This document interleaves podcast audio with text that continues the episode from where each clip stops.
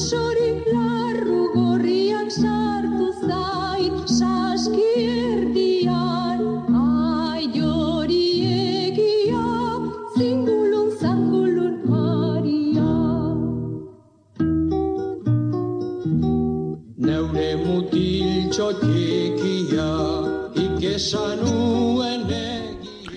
Bai, Lourdes Iriondo eta bere senarra, Xavier Lete dira, entzuten eh, ari eh, garenak. Lourdes Iriondo, Lourdes Iriondo bizirik eh, balego, irurogeita amabost urte beteko zituen, gaur, martxoaren, hogeita zazpian, alako egun baten jaio baitzen, donostian. Bere e, familiari buruz e, esan genezake amaika anai arreba zirela e, iriondo tarrak eta horietatik e, lurdez bera bigarrena izan zen. Zazpi urte e, zituenean, e, gerra ostean, e, berroita lauan alegia, familia osoak e, urnietara egin zuen, eta han eman zituen e, haurtzaroa eta mm, gaztaroa. Euskara Lourdes Iriondoren eh, ama hizkuntza zen, baina anai eh, arrebengan gero eta handiagoa zen eh, erdarakiko eh, joera hori. Monjetan ikasi zuen Lourdes Iriondok hasieran urnietan, gerora donostian. Monja frantzesak ziren eta frantzesez egin behar izaten zuten ikastetxean. Lourdes eh, Iriondo gazteak eh, behartsuak eh, lagundu nahi izan zituen, bere erromantizismo aur denporako erromantizismo horretan. Eta hori zela eta emezer, emeze, emeretzi eh, urteregin gazteizko misionera sekulares elkartearen formazio etxean eh, sartu zen, misiolari lanetarako prestatzeko asmoz. Etzuen ametsa betetzeko aukerarik izan. Handik urte bete batera, bihotzeko eritasun larria diagnostikatu baitzioten. Hortik aurrera, zorrotze zaindu behar izan zuen osasuna. Gaizotasunaren ondorioz, etxean egotera behartuta egon zen denboraldi luzez. Garai hori aprobetsatu zuen aurtzarotik gogoko zuen musikagintzan trebatzeko. egingo duzu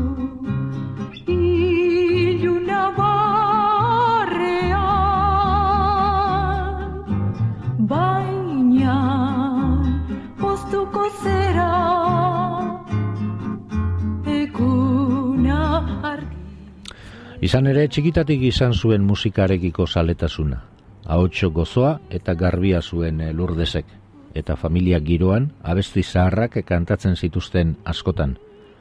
Urnietako txistulari taldean ibili zen eta Donostiako akademia batean zazpi urte aritu zen opera eta kantua ikasten. Mila bederatzireun eta irurogeita lauan, aitako paritutako kitarrarekin hasi zen, Cecilio Espada irakaslearekin eskola gartzen. Aurretik hasia zen bere kantuak egiten. Kutsu erligiosokoak ziren eh, horietako asko eta asko, baita euskara eta euskal kulturaren ingurukoak ere. Abesti gehienak lagunek, tartean Joseba Zugazti, urnietako apaiza, moldatzen edo euskaratzen zizkioten. Orduan espaitzen gai sentitzen euskaraz konposatzeko.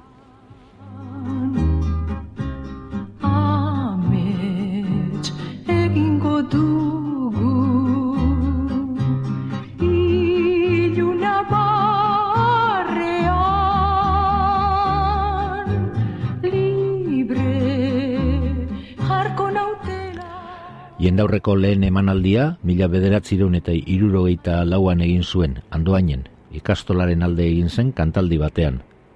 Arrakasta handia lortuta tolosa eta bilabonan abestu zuen gero. Urrengo urtean, aizarnan egiten zen gazteriaren egunean kantatu zuen, eta horrere, arrakasta handia lortu. Berehala, Josemari Iriondo kasetari eta lengusuaren eskutik, loiolako herri irratirako hainbat kantu grabatu zituen, eta horiek emititzen hasi ziren. Entzuleen hainbat kritika jaso zituen arren, besteak beste gitarra espainolarekin euskara zabestetik etzegoelako, oso ezagun egin ziren lurdez iriondoren ahotz eta doinuak.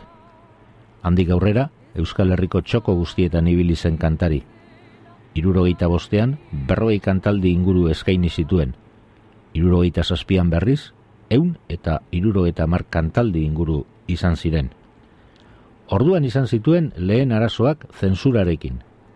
Askatasuna zertarako nire herria edota eskaude konforme eta antzerakoak kantaldietan abesteko baimena jaso behar zuen eta hainbatetan moldaketak egin behar.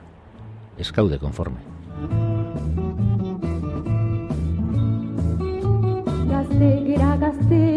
Gaude konforme, mundu garbigo bat bizirei genduke gezurraren kontra injustizirik ez.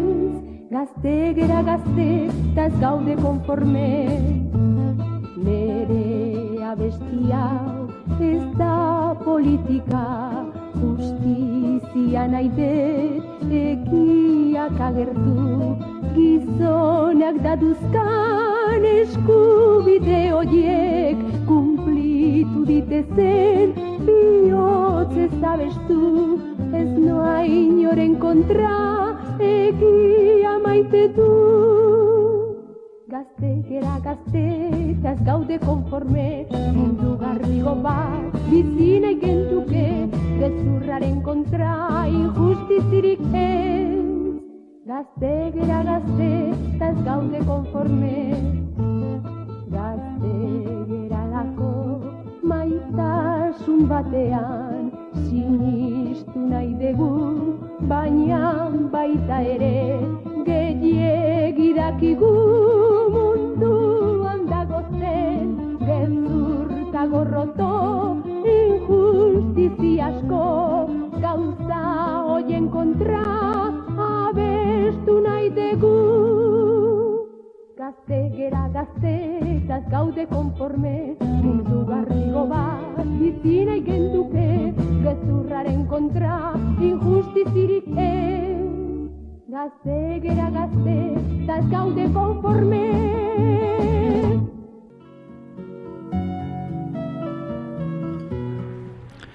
Ezen ez e, garai hartako Euskal Herrian e, bat ere oikoa emakume bat e, oholtza gainean agertzea, gitarra eskuetan zuela, luze gabe hasi ziren kantari berriarentzat goitizenak eh, agertzen. Euskal Herriaren nobia, Euskal Herriko Joan Baez, eta Estok Amairuko Musa deitu izan zitzaion lurde ziriondori. Jose Angel Irigarairen esanetan, jendea ez da konturatzen zerzen lurde ziriondo irurogeiko amarkadan. Eszenatokian transformatu egiten zen, ikaragarria zen, eta jendea liluratuta gelditzen zen. Estok amairu taldearen sortze, sortzaileetako bat izan zen lurdez. Bileretan, hasieratik hartu zuen parte. Dena den, gainerako partaide gehienak ez bezala, ordurako kantari ezaguna zen iriondo.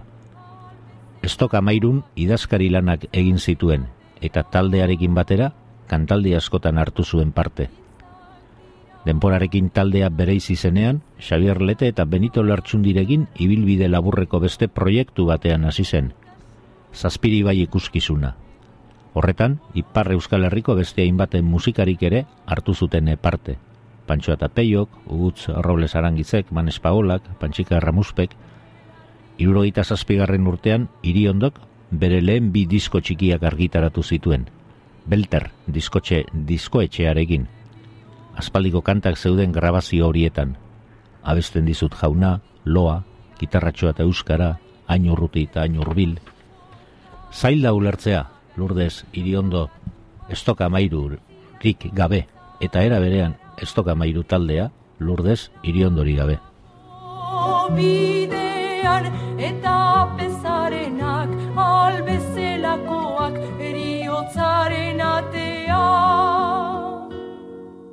Itzak dira, itzak, aizeak farrez dara mazkienak, gaueko maitasun itzak, egunak kolorez ustutzen dituenak, gaueko maitasun itzak. Zer izan zen estoke amairu?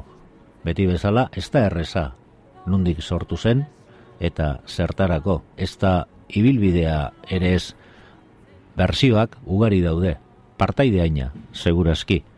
Guk Mikel Laboaren, e, Mikel Laboaren bersioa berreskuratu dugu, maila batean, Eta honen inguruan esan behar, mila bederatzireun eta iruroita laugarren urtean, Mikel Laboak, Bartzelonan medikuntza praktikak egiten ari zera, Kataluniako Nova Kanzo mugimendua ezagutu zuela. Urte berean, Donostiara itzuli zenean, hemen mugimenduaren antzeko zerbait abian jartzearen ideia ibili zuen buruan. Ideiari bueltaka, orduko euskal panoraman bakarka zebiltzan kantariekin harremanak egiten hasi zen, denak talde batean biltzeko. Ordurako, Mikel Laboak aterea zuen bere lendabiziko diskoa, azken izenekoa. Eta beraz gain, Lurde Siriondo, Julen Lekuona, Benito Lertsundi, Jos Antonio Villar eta hartzean nahiak hasiak ziren euren ibilbidea jorratzen. Horrela, Mikel Laboa Benito Lertsundirekin jarri zen lehen da harremanetan. La voz de España egunkarian ikusi zuen Benito, egunkari horrek antolatutako konkurso de artistas noveles lehiaketako kanzion moderna zailean bigarren geratu zela eta.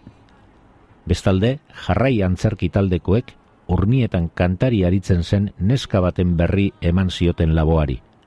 Alase ezagutuko zuen lurdez iriondo. Lehen pausuak emanda, mila bederatzireun eta irurogeita bostean, Mikel Laboa eta Xavier Rantza, Jorge Oteizaren gana joan ziren bizitan, Nova Kanzo mugimenduaren antzeko zerbaiten ideia azaltzera. Antzadenez, egun hartantxe bururatu zitzaion eskultoreari talde edo mugimenduark izango zuen izena. Estok amairu. Martin Errementariaren edo San Martinen ipuinean oinarritu zen oteiza izen hori proposatzeko. Kanta edo ipuin ezagunak e, kontakizun luzea e, egiten du. Eta momento e, batean aurretik atzera eta atzetik e, aurrerako kontakizuna egiten da. Memoria ariketa ikaragarri eder batean. San Martin, esaik amaika, amaika mila ingeruak, esaik amabi, amabi apostoluak, amaika mila ingeruak, Martintxo, esaik amairu, estok amairu, badok amairu, Oiarra gioten joke munduan, aingeru ederrak zeruan, neure harimea lagatzen dautzat Andra Mariari altzoan. Euskal kulturaren malefizioa ere, izan zitekeena iruditzen zuen ipuin ark eta taldearen izenak. Euskal kulturan aurrera pausoak emateko ezintasuna, alegia. Izena, Jorge Oteiza jarri zion, logotipoa berriz, beste eskultore batek egin zuen, remigio mendiburu ondarri biharrak. Talda, taldearentzako sortutako anagarramak txalaparta bat irudikatzen zuen.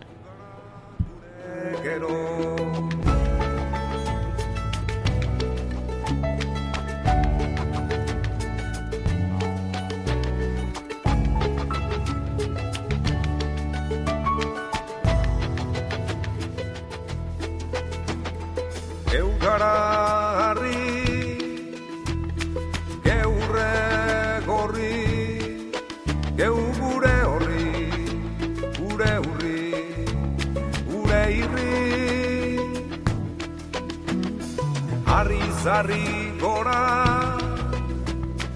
gure gero gura irriz gara gero uerri gara. Ez dok amairu ez da malefi Hasierako topaketa informalaietan euskal kulturari buruzko kezka eta hausnarketak edukioi zituzten mintzagai. Hasiera hartan jende asko azaltzen zen bileretara, naiz eta taldea gerora finkatu zen. Kantagintza berri baten inguruko lehen hausnarketak azaldu aurretik, mila bederatzireun eta irurogeita iruan Jorge Oteiza eskultoreak gerora zeresana emango zuen liburu bat idatzi zuen. Kuosketan den. Labur esan da, euskal kultura berpisteko beharra azaldu zuen oteizak liburu hartan. Kulturaren alor ezberdinetan lan egin beharko zela azpimarratzen zuen. kulturaren aurrera egitea proposatzen zuen euskal estetika eta nortasuna mantenduz eta sustatuz. Testu inguru horretan kokatu beharko genuke euskal kantagintza berria eta beraz estok amairu taldea ere bai. Estok amairuri dagokionean euskal musika tradizionala aztertu zabaldu eta gaurkotzea zen hasiera hartan helburu nagusia. Euskal abestiak galtzen ari zirela konturatu ziren, eta euskal kulturak bizi irautea nahi bazuten, ahaztuak zeuden kantuei hautsak entzea ezinbesteko egin beharra zela iruditu zitzaien estoka mairukoei. Hala ere, eta hori garraintzitsua zen arren, nabaria zen garai hartako gazteriak etzuela aski kanta zaharraiekin, berriak ere behar zituela. Gainera, kantu berri horiek mamitsuak izan behar zuten, garai hartako kezkak azalduz entzulearen gana errazago iritsiko zirenak. Itzak eta musika zainduko zituztenak. Beste hitz batzuetan esan da, kalitaz, kalitaz, kalitatezkoak. Estok amairukoak etzeuden espektakulu hutsa egitearen alde, euren jardunak mamitsua izan behar zuen alabearrez. Herri bat, herri bat osorik, gero bat, gero bat gaur danik ez dut. Amairu ez da malefiziorik herri bat, herri bat osorik gero bat, gero bat gaur danik Kantu zaharrak berreskuratzea, kanta berriak zabaltzea eta tradizioa ezagutaraztea ziren bi hitzetan esan da estok amairuren jardunaren helbururik nagusienak. Horrez gain ordea, Europako eta Ego Amerikako kantarien abestiak ere euskaratu eta kantatzen zituzten. Era berean, lan handi egin zuten desagertzeko puntuan zeuden musika tresnen berreskurapenean. Estok amairuk jarrai antzerki taldearen eskutik egin zituen lehendabiziko bi emanaldiak. Lehendabizikoa Hernanin irurogeita zeiko urtarrilaren bederatzean eta Donostiako Victoria Eugenia Antzokian amalau egun beranduago bigarrena. Estok amairu taldearen aurkezpen ofiziala ordea urte bereko martxoan izan zen, irurogeita zeiko martxoaren zeian hain zuzen ere, irungo amaia aretoan. Emanaldiaren hasieran eta taldeari jarritako izenaren jatorria azaltzeko, Xavier Letek Martin Arrementariaren ipuña kontatu zuen off haotxean. Emanaldia berriz, kantaria andana baten esku zegoen. Lurde Siriondo, Benito Lertxundi, Bat eta Bitaldea, Jose Antonio Villar, Julen Lekuona, Oleskariak eta Artzean aiak. Ilabete pare bat lehenago donostian egin bezala, pelotari filmarekin amaitu zuten ikuskizuna. Urrengo urteetan zehar, bata bestearen atzetik etorri ziren, kontzertu eta emanaldiak. Erritmoa asko askartu zen eta jaialdiak ugaritu. Herri bat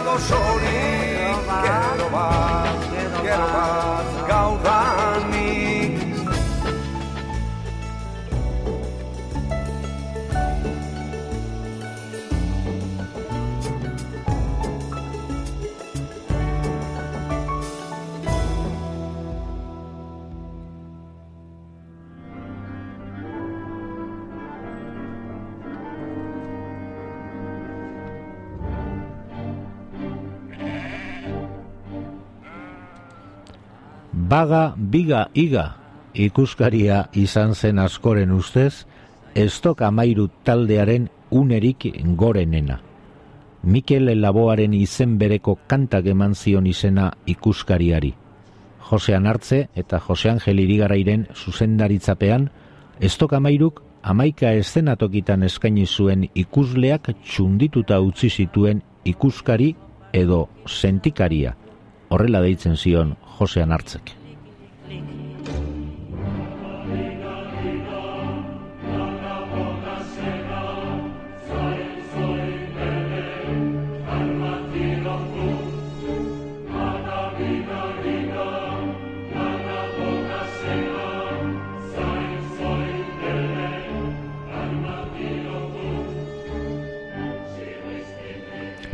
Ikuskizuna gidoi bati lotua zegoen eta hori zen hain zuzen ere ordura arte egin zituzten emanaldiekin alderatuta ezberdintasunik handiena. Aurreko emanaldietan taldeko kideek bata bestearen atzetik kantatzen zuten, bakarka, binaka edo taldeka. Baina inolako loturari gabe. Baga biga igan ordea letren araberako gidoia zegoen. Horrez gain, kantuak ez ziren beste elementu asko zeuden.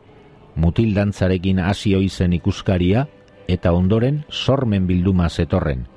Poemak, kantuzar eta berriak, toberaren, albokaren eta txalapartaren hotxa, Josean hartzeren lana eta gizona diapositiba muntaia eta abar. Horren ostean, baga biga iga kantua abesten zuten, eta hasi bezala mutildantzak izten zuen emanaldia. Horrekin guztiarekin garai hartako gizartearen isla lortu nahi zuten, orduko gaietan eta tradizioan oinarriturik, baina beti, beti ere, aurrera begira. Mila bederatzireun eta irurogeita marrean estrenatu zuten baga biga iga ikuskaria Portugaleten. Irurogeita amaikan, Donostiako Trinitate plazan eta Iruñeko gaiarrean zokian egon ziren. Baina Euskal Herritik kanpora ere, iritsi ziren. Bretania, Paue eta Kataluniara besteak beste.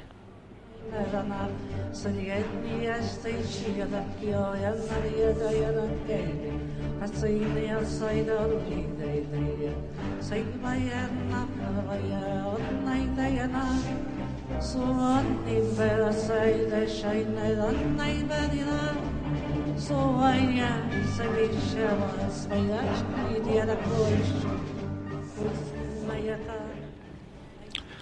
Baina ez omen da ezer betiko izaten eta etzen ezberdin izan estoka mailurekin ere. Taldea desegitearen inguruan buruak adina aburu daude.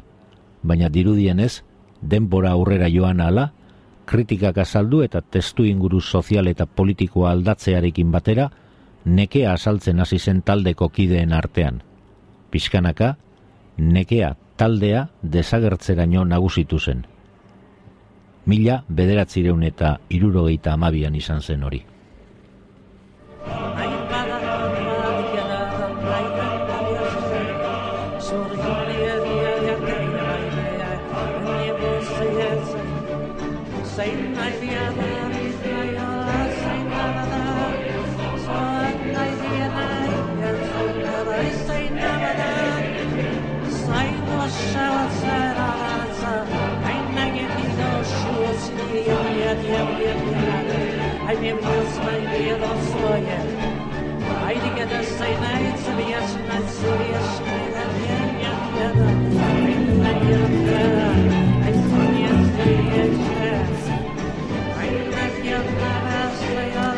Dena den eta gure gaurko protagonista Lourdes Iriondoren gana e, itzuliz e, esan urtetik urtera e, Lourdesen kantagintza gero eta komprometituagoa ari zela bihurtzen. Honela azaldu zuen berak bilakaera. Behar bada, lehenago abestia gauza poli bat bezala konsideratzen zen. Esakizuna hundirik gabeko gauza harin bat bezala. Gaur berriz, esakizuna hundiak ditu herriari kantatzen zion, kantatzen zaion abestiak. Beste kontzientzio batekin kantatzen da gaur.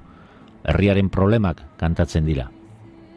Eta mila bederatzirun da irurogeita sortzi garren urtean, diskoetxe beraren eh, eskutik, e, hau da belterren diskoetxearekin, beste disko txiki bat eh, eman zuen argitara.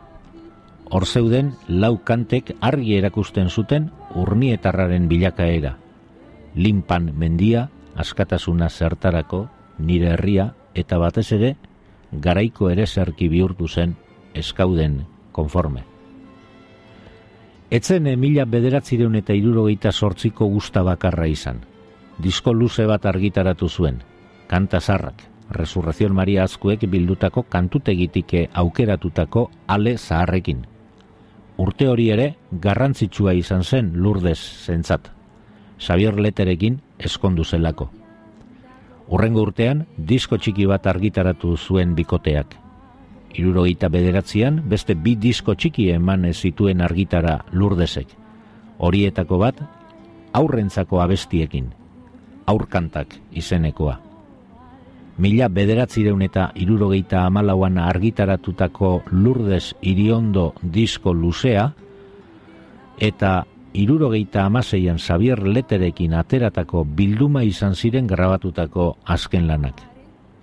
Haren eriotzaren ostean, antologia bilduma argitaratu zuen Elkar diskoetxeak 2006an. Limpan mendiko tontor gainean gure bandera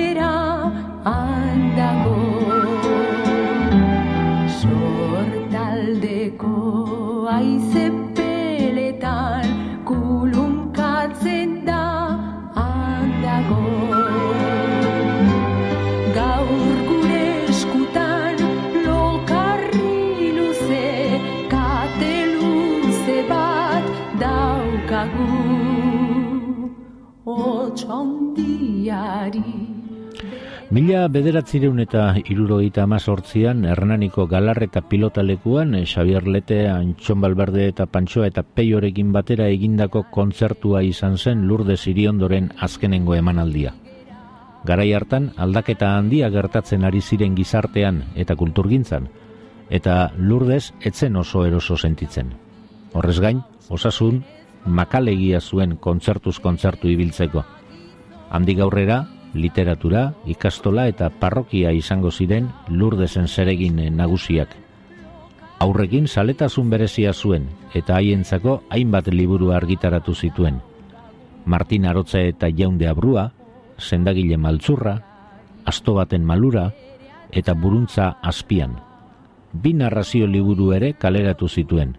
Egoaizearen ipuinak eta lotara joateko ipuinak.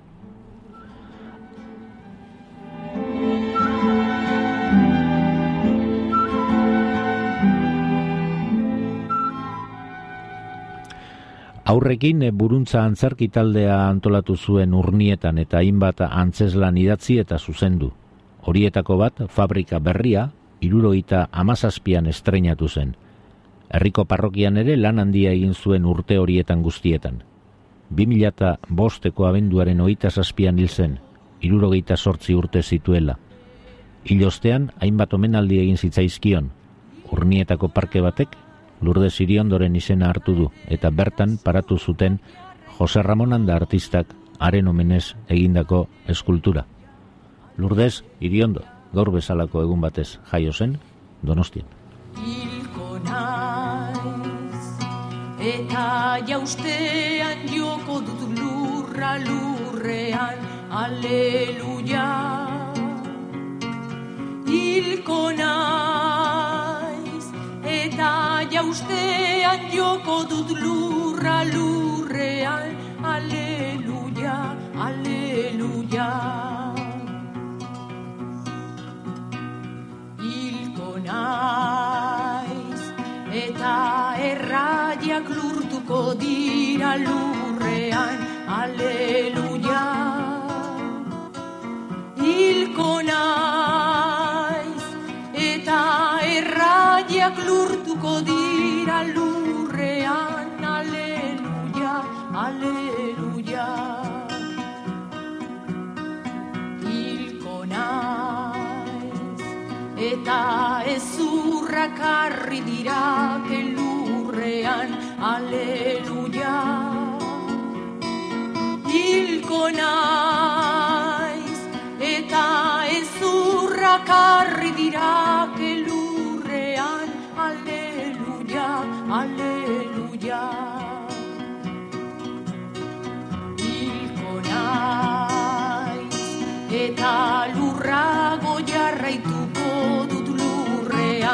lurrean